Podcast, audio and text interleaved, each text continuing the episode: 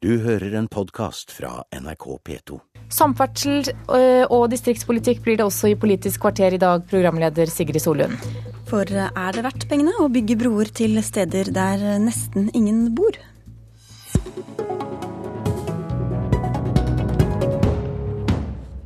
De siste 30 årene er milliarder av kroner brukt til fastlandsforbindelser til øyer, men på en del av disse øyene har folk brukt broene til å kjøre bort med flyttelasset. Samtidig som veiene til disse samfunnene også mellom byene er dårlige mange steder.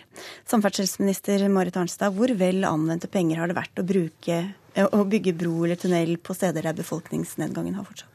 Jeg må jo si at jeg først og fremst gleder meg over, eh, med de 300 000 i Norge som har fått eh, fastlandsforbindelse de siste 30 årene. For det har vært viktig for hverdagen og livet til svært mange, og det har også vært viktig for en stor andel av eh, bedriftene i Distrikts-Norge.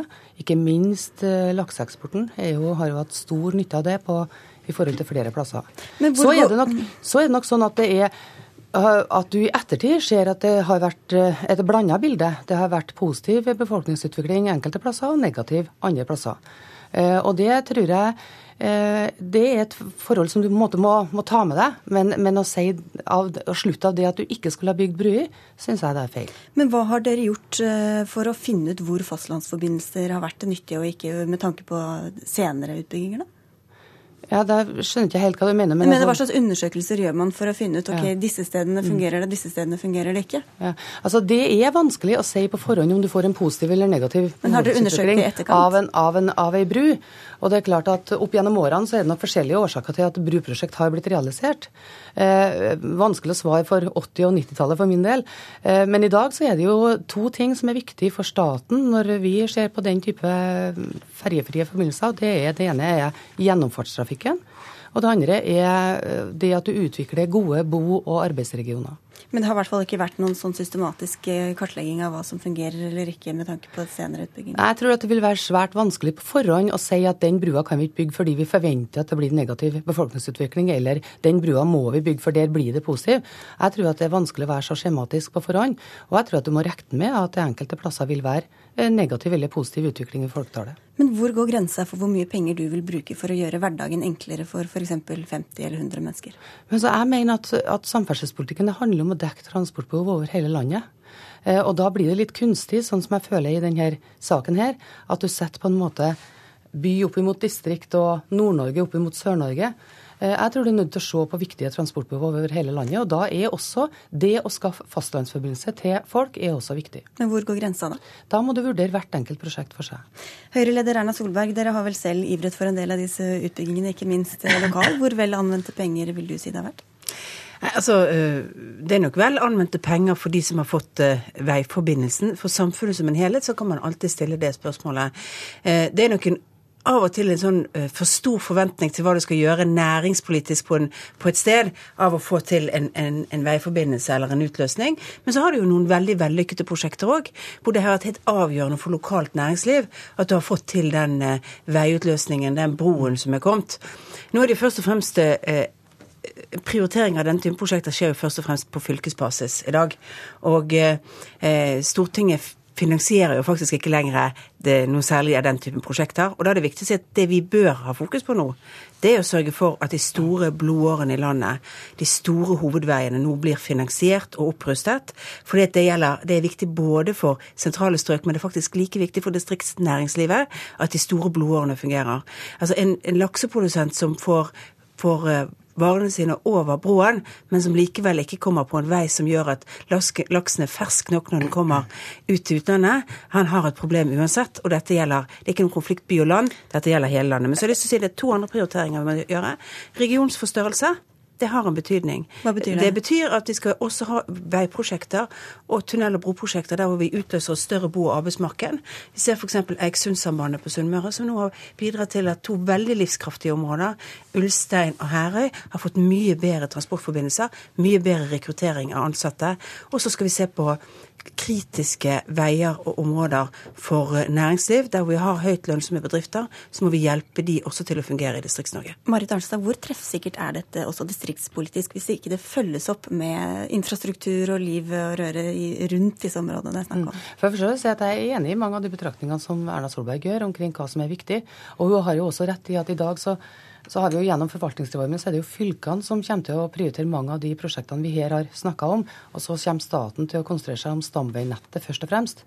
Der er jeg enig i at Bruer er viktig, men også veien rundt bruene. Altså, du, skal du på en måte virkelig gjøre det dette til eh, redusere næringslivets transportkostnader, så kan du ikke bare tenke bruene, du må også tenke veien mellom bruene. Har det vært og, tenkt godt nok sånn, da? Nei, altså det skal vi være meget oppmerksom på i tida framover. Bl.a. når vi utvikler E39 så er det viktig at du ikke bare tenker de store bruprosjektene på E39, men at du også tenker på at du må ruste opp veien imellom bruene, sånn at det blir enklest mulig for næringslivet å bruke veien. Ja, men det er også viktig at vi tenker igjennom at eh, skal vi løfte konkurranseevnen til norsk næringsliv, så må vi begynne med å ta et større tak på de områdene som er mest samfunnsøkonomisk lønnsomme. Men det blir ikke færre broer til små samfunn med høyreregjering, da? Eh, nei, men, det, men, som sagt så kommer ikke vi til å ha fokus på å prioritere det, for dette er det fylkespolitikerne per dags dato som kommer til å gjøre.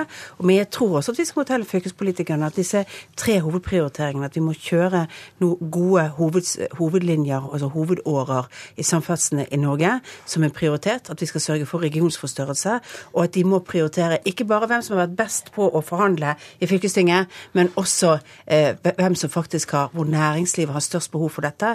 For det er sånn at skal Distrikts-Norge leve, så er det først og fremst lønnsomme arbeidsplasser som er det viktigste for å få det til. Og da må vi få ned eh, kostnadene for de bedriftene som, som i dag går godt, men som i, i stor grad har en utfordring pga. bl.a. høye transportkostnader. Men, jeg, men jeg, tror, jeg, har stor tiltro til fylkene på det området. fordi jeg tror fylkeskommunen og fylkespolitikerne kjenner sitt eget næringsliv veldig godt.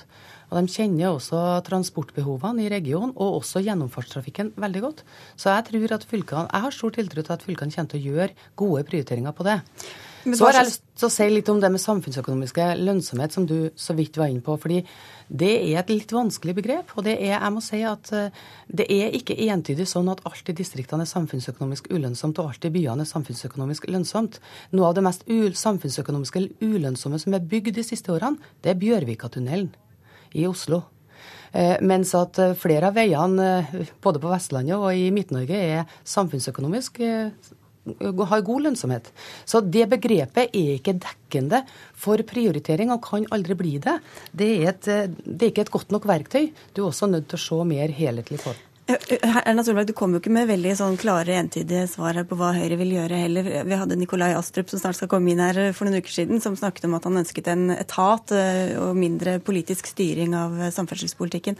Hva er det Høyre egentlig vil gjøre med samfunnsstrukturen?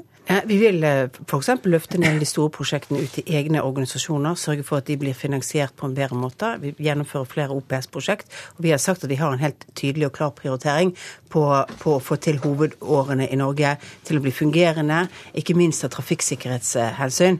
Og så skal vi sørge for dette jeg kaller regionsforstørrelse, som er kjempeviktig, også i et lengre perspektiv, hvor vi sørger for at uh, norsk næringsliv, som faktisk løftes i stor grad av mange distriktsbedrifter også, sant? har bedre rammevilkår i årene fremover med lavere transportkostnader. Erna Solberg og Marit Arnstad, takk for at dere kom til Politisk kvarter.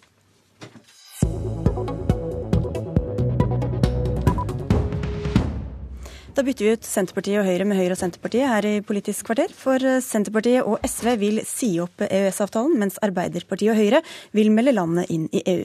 Begge deler virker vel like urealistisk, og det preger kanskje også stortingsmeldingen om EØS som skal opp i Stortinget i dag, eller hva, Nikolai Astrup fra Høyre? Det er klart at eh, Den stortingsmeldingen som kom i dag, er en eh, tynn sak med tanke på den NOU-en den bygger på, som var et 911 siders langt rop om hjelp. Eh, og det vi fikk til svar, det var altså en tynn sak som beskriver hvor vi er, og som er et minste felles multiplum av hva regjeringen klarte å bli enige om. Hva hadde du sett at sto der, da? Nei, Jeg eh, tror man i større grad må erkjenne at eh, EU-politikk, europapolitikk, er innenrikspolitikk i stor grad. Det må få konsekvenser for hvordan vi koordinerer europaarbeidet i, eh, internt i regjeringen eh, og i Norge. Og det må få konsekvenser for hvordan vi jobber opp mot EU. Vi må tidligere og tydeligere inn i prosessene og la norske interesser bli hørt i større grad i Europa. Lars Peder Brekk, du har nettopp et landsmøte fra Senterpartiet bak deg som ikke bare sa nei til EØS, men også til Schengen. Hva syns du om den europapolitikken dere samlet i regjeringen legger opp til gjennom denne stortingsmeldinga? Ja, det, det, går jo på at vi skal utvide handlingsrommet i de internasjonale avtaler, bl.a. i EØS-avtalen. Eh, det har denne regjeringa gjort gjennom eh, ostetollsak, postdirektivsak. Eh, og jeg er veldig opptatt av at vi skal være, ha en aktiv holdning til, til, til, i vår europapolitikk. Sånn sett er jeg enig med, med Astrup. Hvorfor, hvorfor lyder det der så ulikt jo, når dere snakker om det? Så Poenget er jo at vi har en EØS-avtale som vi har prinsipielle motforestillinger mot, men inn, vi styrer jo på grunnlag av den gjennom det rød-grønne samarbeidet. Det, det fungerer godt. og da må vi jo være dyktige til å utvide handlingsrommet, sørge for å ivareta norske interesser.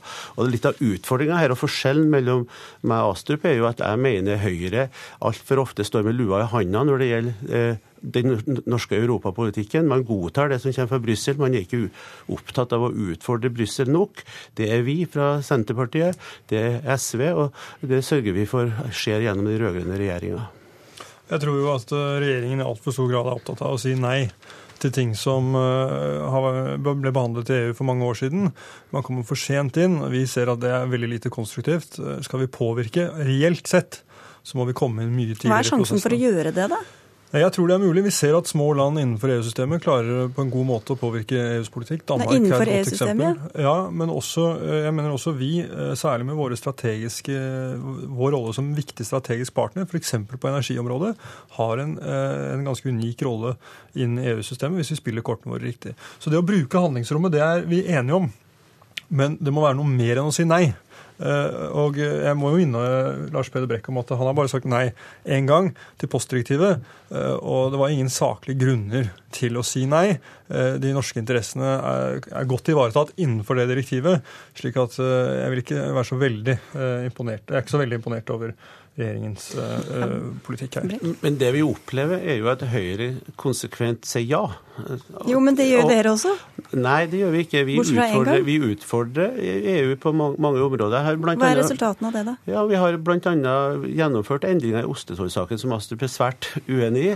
Vi har, har sagt nei til postdirektivsaken. Ja, det var de to eksemplene, i, I, tillegg så, så, er jeg jo enig med at vi skal jobbe aktivt med, med EU og, og, sammen med EU på, på viktige saker. Jeg har selv som tidligere landbruksminister jobba med matmaktsaken i, i, i, EU. og Der er det slik at Norge faktisk har vært en pådriver for, for utvikling av politikk i EU, som, som, sannsynligvis over tid vil være, være, viktig både for EU og for, for Norge. Dere i Senterpartiet sa altså nei til EØS og også Schengen. Hva slags troverdighet får dere da når dere to dager etter stemmer for nettopp det samme i Stortinget i dag?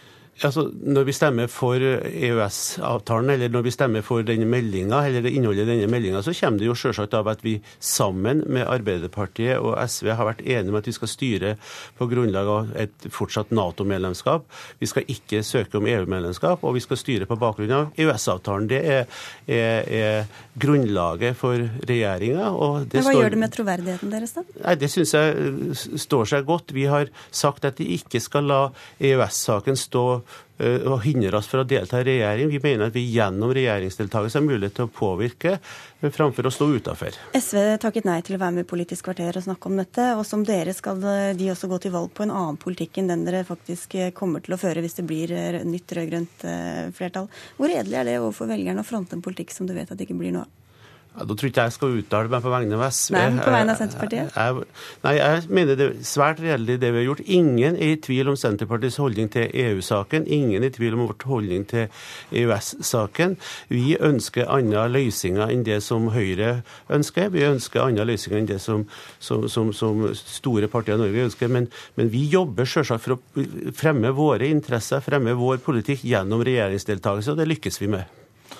Det er ingen tvil om at det fortsatt vil være eh, sterk eller stor usikkerhet om hva en rød-grønn regjerings europapolitikk vil være etter et valg hvis de får flertall på nytt. Statsministeren har jo sagt at det ikke er snakk om noe annet enn et EØS-medlemskap. Han har sagt at eh, han legger EØS-avtalen til grunn. Liv Signe Navarsete har sagt at hun nå har et sterkt forhandlingssignal inn i eventuelle nye forhandlinger om Soria Moria 3, når hun nå har sagt nei til Schengen og nei til EØS. Og jeg tror det er veldig uheldig, ikke minst for norsk landbruk, som jeg vet Senterpartiet er opptatt av, eh, hvis man skulle si opp EØS-avtalen, eh, men også for det kriminalitets, For det arbeidet med å bekjempe grenseoverskridende kriminalitet, dersom man sier nei til Schengen. Nei, denne rød-grønne regjeringa har stått solid sammen om EØS-politikken i regjering, og det gjør vi fortsatt framover. Takk skal dere ha, Nikolai Astrup fra Høyre og Lars Peder Brekk fra Senterpartiet. Politisk kvarter er slutt for i dag. Du har hørt en podkast fra NRK P2.